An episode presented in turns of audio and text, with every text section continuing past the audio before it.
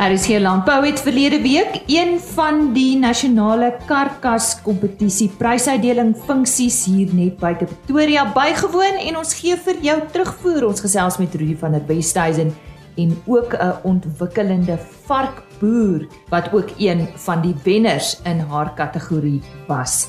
Dan gesels ons met die woordvoerder van Almawashi Suid-Afrika, Hulle het onlangs aangekondig dat hierdie maatskappy van voorneme is om lewende hawe direk vanaf Suid-Afrikaanse produsente te koop.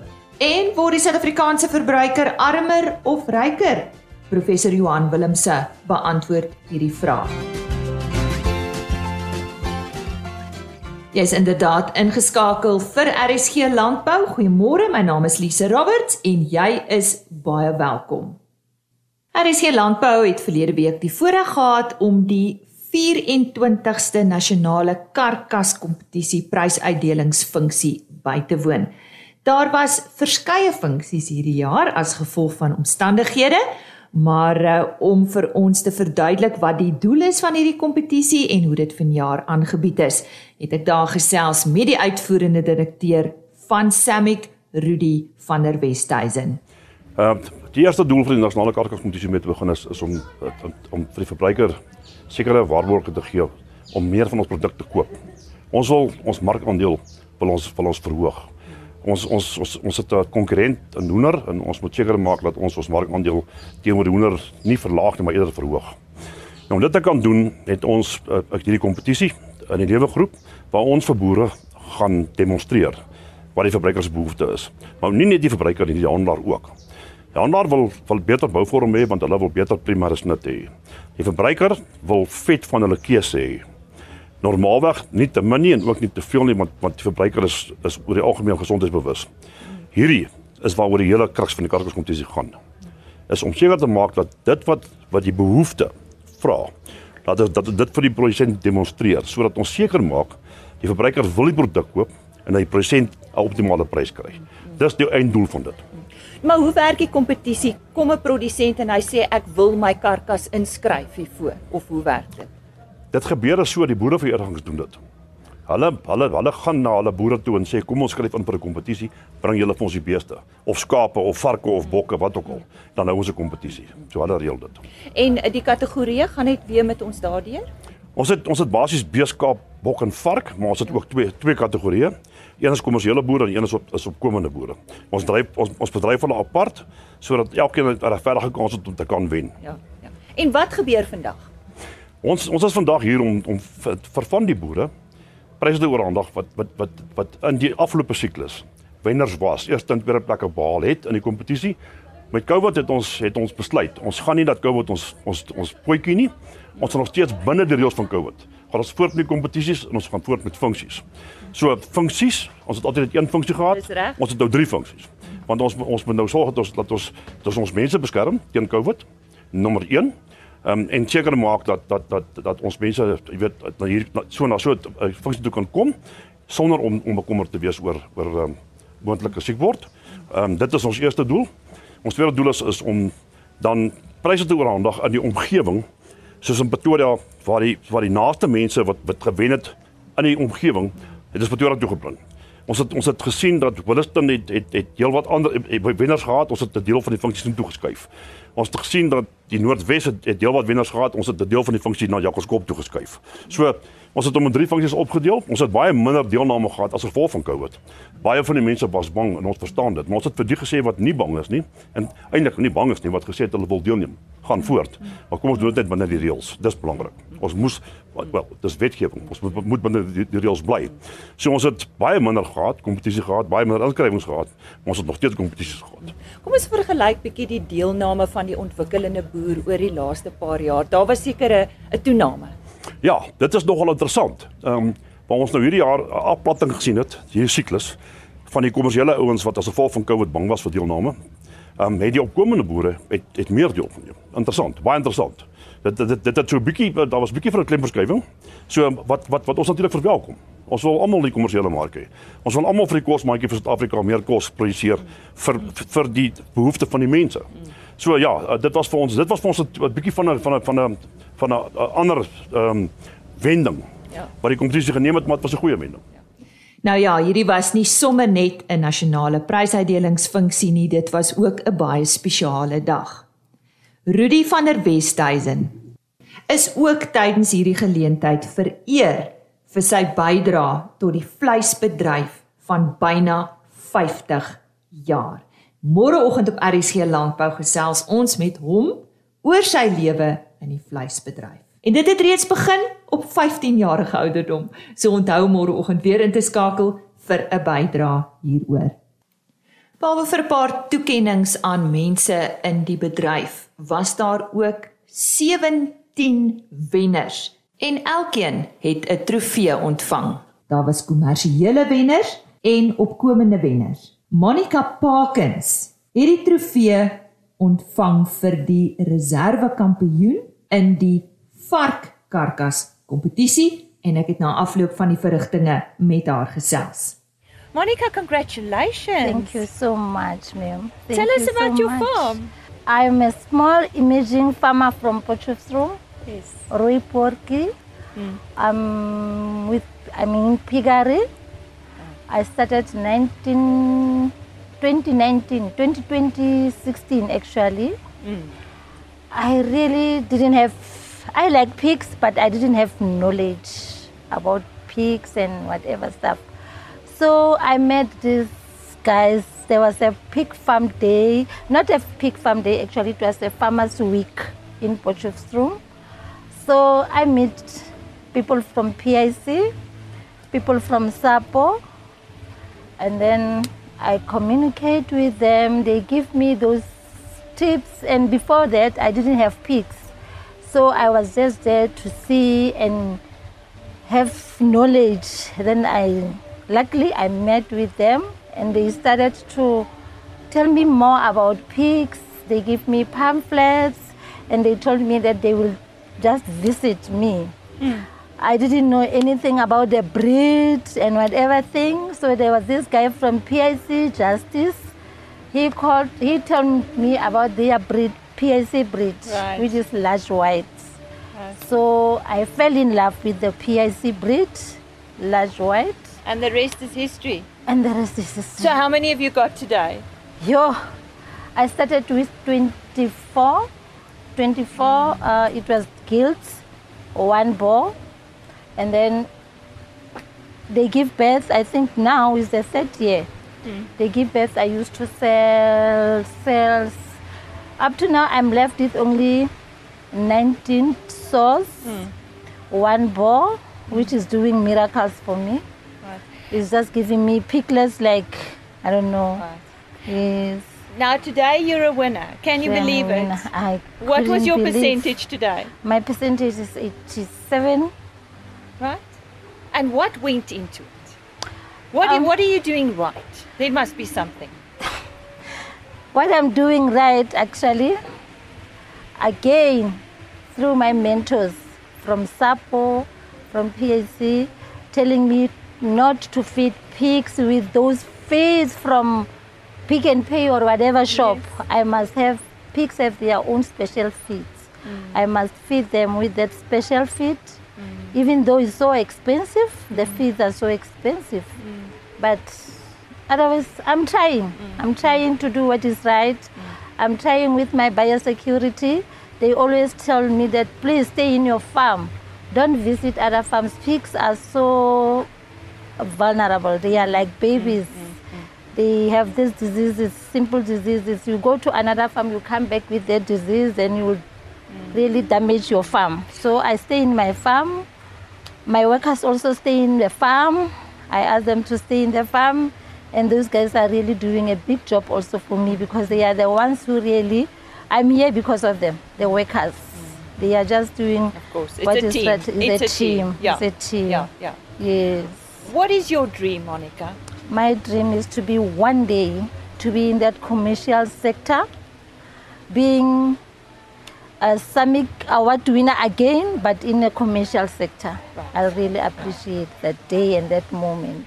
En dis dan Monica Parkins wat met soveel passie oor haar varkboerdery gesels het en sy het 'n 87,83% gekry vir haar karkas en sy is aangewys as die reserve kampioen in die vark opkomende groep kategorie.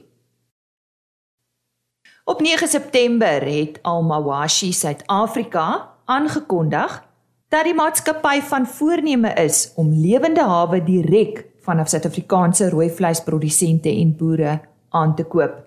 Ek gesels nou met JP Rood. Hy is die woordvoerder van Almawashi Suid-Afrika. JP, goeiemôre. Waarom word lewende hawe uitgevoer na die Midde-Ooste? Goeiemôre Lisa en ook goeiemôre aan RSG se luisteraars. Dis 'n baie belangrike vraag want mense wil normaalweg weet waarom Almawashi nie net bevrore vleis uitvoer na die Midde-Ooste nie. So daar's 3 baie belangrike redes waarom lewende hawe groot skaals uitgevoer word na die Midde-Ooste. Nou die eerste rede is dat lande in die Midde-Ooste nie in 'n posisie is om hulle eie voedselsekuriteit deur landbouaktiwiteite te verseker nie. Ons weet dinge soos klimaat, die woestyn en ook 'n gebrek aan waterhulpbronne oorhoofs redes is waarom 90% van voedsels wat in die Persiese lande, golflande verbruik word, ingevoer moet word. 'n Volgende belangrike faktor is verbruikers smaak. Verbruikers in die hoë inkomste Midde-Oosterse lande verkies vars geslagte rooi vleis versus bevrore rooi vleis. En dan laastens 'n finale en baie belangrike faktor is dat lewende hawe noodsaaklik is vir kulturele redes uh, wat gekoppel is aan die godsdiens van Islam wat beoefen word in die Persiese Golf. Nou daar was redelik baie hofsaake en ander verwikkelinge rondom die uitvoer van lewende hawe sedert 2020. Waar staan ons tans, JP? Lise, 'n baie belangrike vraag en inderdaad dit is 'n baie interessante avontuur uh, wat Alma Washi ervaar het sedert hy uh, sy kantoor oopgemaak het hier in Suid-Afrika. So, ehm um, die nasionale dierebeskermingsvereniging het onderskeie hofsaake probeer loods teen Elma Washi maar het vandag meer as 8 sake verloor in 'n periode 18 maande. Nou die NDBV is van die opinie en kom ons noem dit 'n ideologiese oogpunt dat 'n algehele verbod op die uitvoer van lewende hawe geplaas moet word. Nou geen land het tans 'n verbod op die uitvoer van lewende hawe in die wêreld nie. En dit is ook belangrik dalk net om te noem dat Elma Washi in 2018 genader en uitgenooi was deur die Suid-Afrikaanse regering om die grootskaalse uitvoer van lewende hawe uit Suid-Afrika te doen. En dit het natuurlik aanleiding gegee tot buitelandse beleggings van meer as half biljoen rand uh in infrastruktuur byvoorbeeld wat Alma Washi se moedersmaatskappy in Kuwait uh um gemaak het.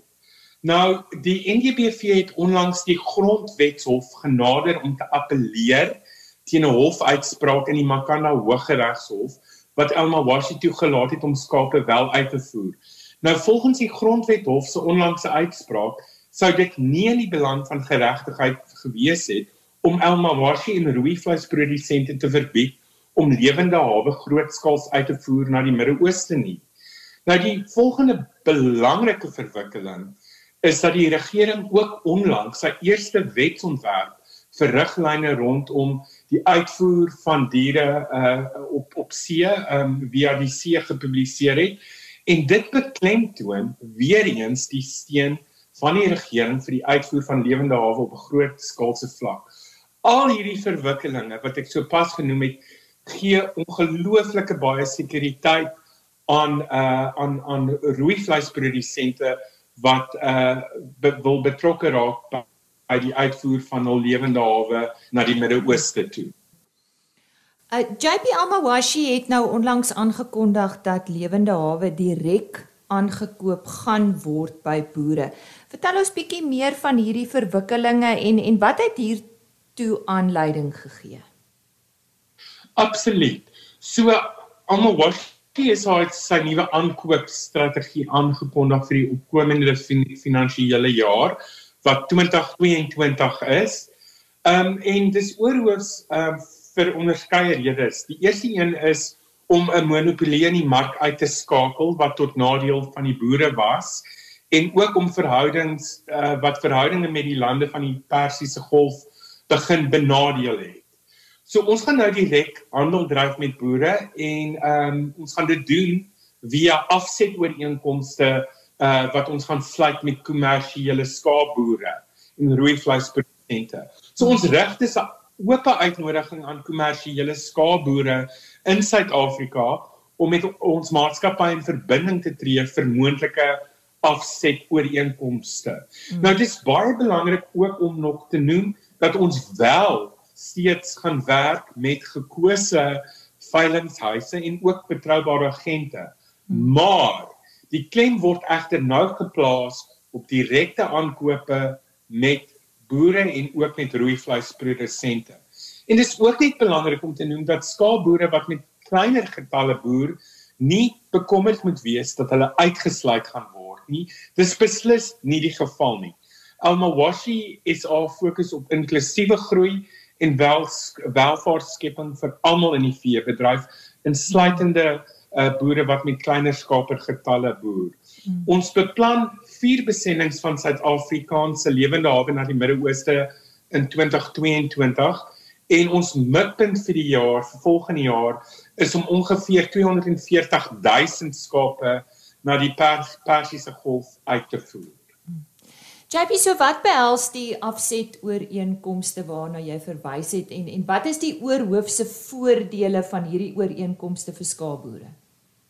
Dit is 'n baie belangrike vraag Lise en um, ek wil graag daarop uitbrei. Um so dis eerstens belangrik om te noem um dat die afset ooreenkomste en regstreekse handel met boere noodsaaklik is om vennootskappe te onderskraag om inklusiewe groei en welvaartskepping te verseker. Uh dit is 'n strategiese oogpunt en visie van die Persiese Golflande dat hulle baie nader wil beweeg aan Suid-Afrikaanse rooi vleis produsente vir 'n langtermyn vennootskap, soort soortgelyk soos wat hulle het met met die uh boere en ook die rooi vleis uh, produsente in Australië. Soos jy weet, Australië Australië is een van die groot groot lande wat hulle landbouekonomie ontwikkel het rondom 'n lewende hawe uitvoering.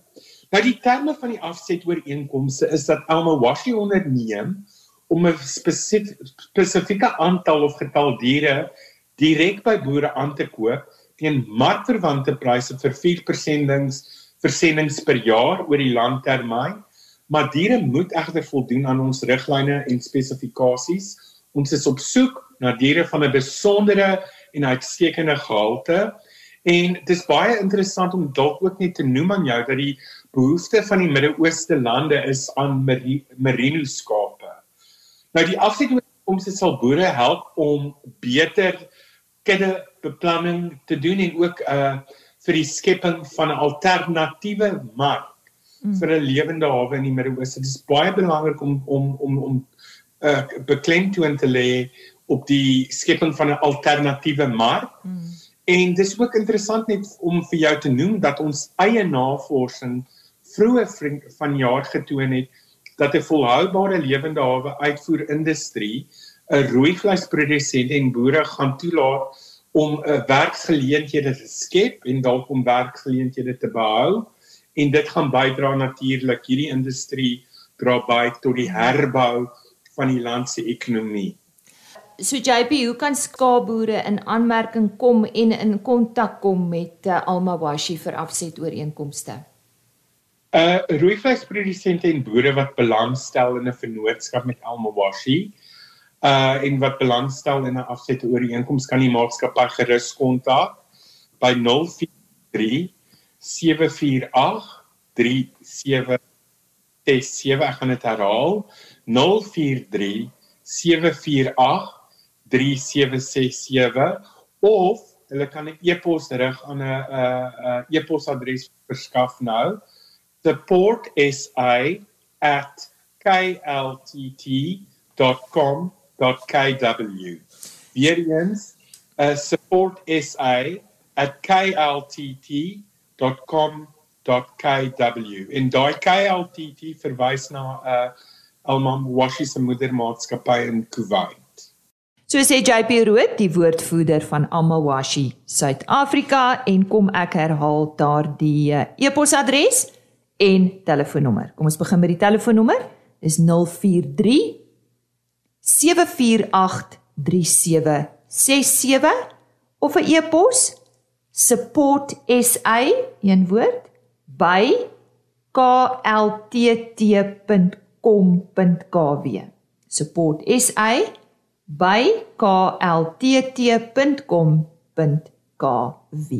Ek sal hierdie kontakbesonderhede weer aan die einde van vandag se program herhaal. Word ons as verbruikers in Suid-Afrika armer of ryker? Watter kant toe ook al, watter implikasies het dit vir die produsent en besighede in Suid-Afrika? Ek gesels nou met 'n onafhanklike landbou-ekonoom, professor Johan Willemse. Johan, so wat is die antwoord, armer of ryker? Weet jy, ek dink dit is baie eenvoudig. Ons as land raak armer en natuurlik saam daarmee raak ons as verbruikers armer en 'n mens sien dit in byvoorbeeld die BBP groei per kop van die bevolking. Dit lyk al hoe naar, laer. En natuurlik was daar ook 'n publikasie gewees wat wys hoe ons elektrisiteitskoste, um, eiendomsbelasting en al die meer geneig. So ja, ons word armer en dit kan slegs verbeter as die ekonomie groei en werk skep. Ek dink vir ons as landbouers is die probleem met werkloosheid van, van by die 45% wat eintlik skrikwekkend is. Beteken dit dat mense eintlik net op oorlewing is om kos te koop?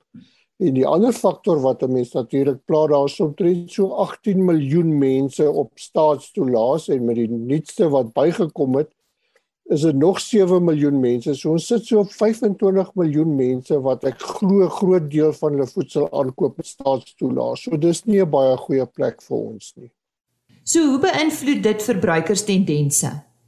Wel die, normale teorie en wat ons het dit ook in ons land gesien, as jy ryker word, dan wil jy graag wagyu steaks eet en ek het niks teen wagyu steaks nie, maar dit is relatief duur. So as jy armer word, sny jy noodwendig op jou dierder proteïene, jy skaal af in jou voedselketting na goedkoper produkte soos byvoorbeeld hoender en varkvleis, maar ook meer na styselprodukte. Ons het laas jaar gesien dat witmieliemeel verkoop by die hoogste ooit was. So soos die inkomste patrone verander, verander die eetpatrone en dit het 'n direkte invloed op ons as boere en die produk wat ons produseer vorentoe. Ek dink 'n goeie voorbeeld is China wat baie sterk groei, die inkomste styg en hulle die eetskyf baie sterk na vleis en vrugte en hierdie tipe produkte. Ons is bietjie in trierad wat dit aanbetref op die oomblik en dit maak 'n mens bekommerd en as 'n mens langs die lyn afkyk vir ons as boere moet ons dit in ag neem. So jy het nou vir ons 'n antwoord gegee, ons raak armer. Watter impak het dit op landbou? As die ekonomie groei, as ons kom ons sê die 60 miljoen verbruikers, as hulle almal werk het, eers like, dan gaan ons daarin maar heeltemal anders lyk. Like. Vleisverbruik, veral rooi vleisverbruik gaan styg. Dis van die dierprodukte en wat ons op die oomblik sien is verbruikers val terug na hoendervleis toe wat die die goedkoopste proteïene is. Die probleem natuurlik daarmee is daar word 'n groot hoeveelheid goedkoop hoendervleis ingevoer soos nie noodwendig tot voordeel van ons boer nie. Ehm um, die ander kant ook moet ek by sê alhoewel ons armer word, het ek nou dag gaan kyk, daar is 10 miljoen meer verbruikers oor die laaste 10 jaar in Suid-Afrika. So voedselverbruik is eintlik 'n funksie van inkomste en bevolkingsgroei. So op die oomblik het ons net bevolkingsgroei, laer inkome produkte. Ehm um, ons het nie die inkome groei wat ons graag wil sien nie. As 'n mens nou dit sê, dan moet jy ook by sê, onthou daar's nog steeds 'n welvarende groep relatief maar is klein. Byvoorbeeld jou stasieswerkers het nou addisionele toelaas gekry en die soort van ding wat natuurlik help om die mark te sit op die hoër en ons wil graag hê die hele mark moet groei. Hoe lyk marktendense vir die nuwe seisoen, Johan? Ons kom uit 'n baie interessante tyd uit waar graan en oliesaadpryse baie hoog was die laaste jare as gevolg van droogtes in Amerika, baie sterk Chinese invoervraag ook aan die vleiskant wat pryse baie hoog gedruk het en dit was natuurlik na die Grendeltyd. Maar ons is op die oomblik bietjie in 'n daalfase met pryse, um, as gevolg van meer normalisering. Amerika se oeste kom op die oomblik in, maar die groot drywer is China. China wat se kooppatrone en die smeere baie groot invloed het. En net om daarop te noem sommer ons voer redelik beesvleis uit op die oomblik hoofsaaklik na China toe. So ons uitvoer in die landbou help ons om die binneland te stit en omtrent so 50% van ons landbou se inkomste kom uit uitvoere uit. So ons is baie sterk gerig op die uitvoermark en China is besig om by neute, sitrus, beesvleis 'n groot koper te word en dit stit ons produsente in die langs die pad af. Om jy af te sluit, landbou maak staat op die regte klimaatstoestande op die regte tyd. Hoe lyk die vooruitsigte?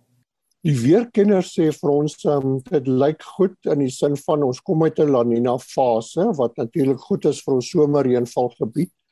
Dit die aanduidings is ook ons gaan in 'n La Nina fase bly vir ons somer. En natuurlik in die Wes-Kaap het hulle 'n baie goeie seisoen tot tans gehad en gekoppel met die relatief hoë pryse waaruit ons kom is dit 'n goeie stad vir produsente en um, die boere wil graag plant en die weer wat redelik goed lyk met goeie weidings wat voorlê in die proses goeie pryse vog in die grond um, lyk dit regtig um, op die stadium of of dit goed lyk? Natuurlik waarskynlik ook teen die sogenaamde midsomer droogte hier Februarie se kant maar ek dink om jou te antwoord ons kom uit 'n relatief hoë prysvlak uit grondvog is daar, die weerkundiges is redelik optimisties oor die seisoen wat voorlê. En natuurlik dit is 'n goeie ding. Die groot knelpunt is maar die politieke omgewing, maar ek dink landbougewys is ons nog steeds in 'n groeiende vraag. Ek sê vir die boere, ons is van die min produsente wat weet daar's 'n mark vir ons produk en as ons produksieomstandighede goed lyk vorentoe, dink ek ons ons kyk vorentoe na 'n relatief goeie seisoen.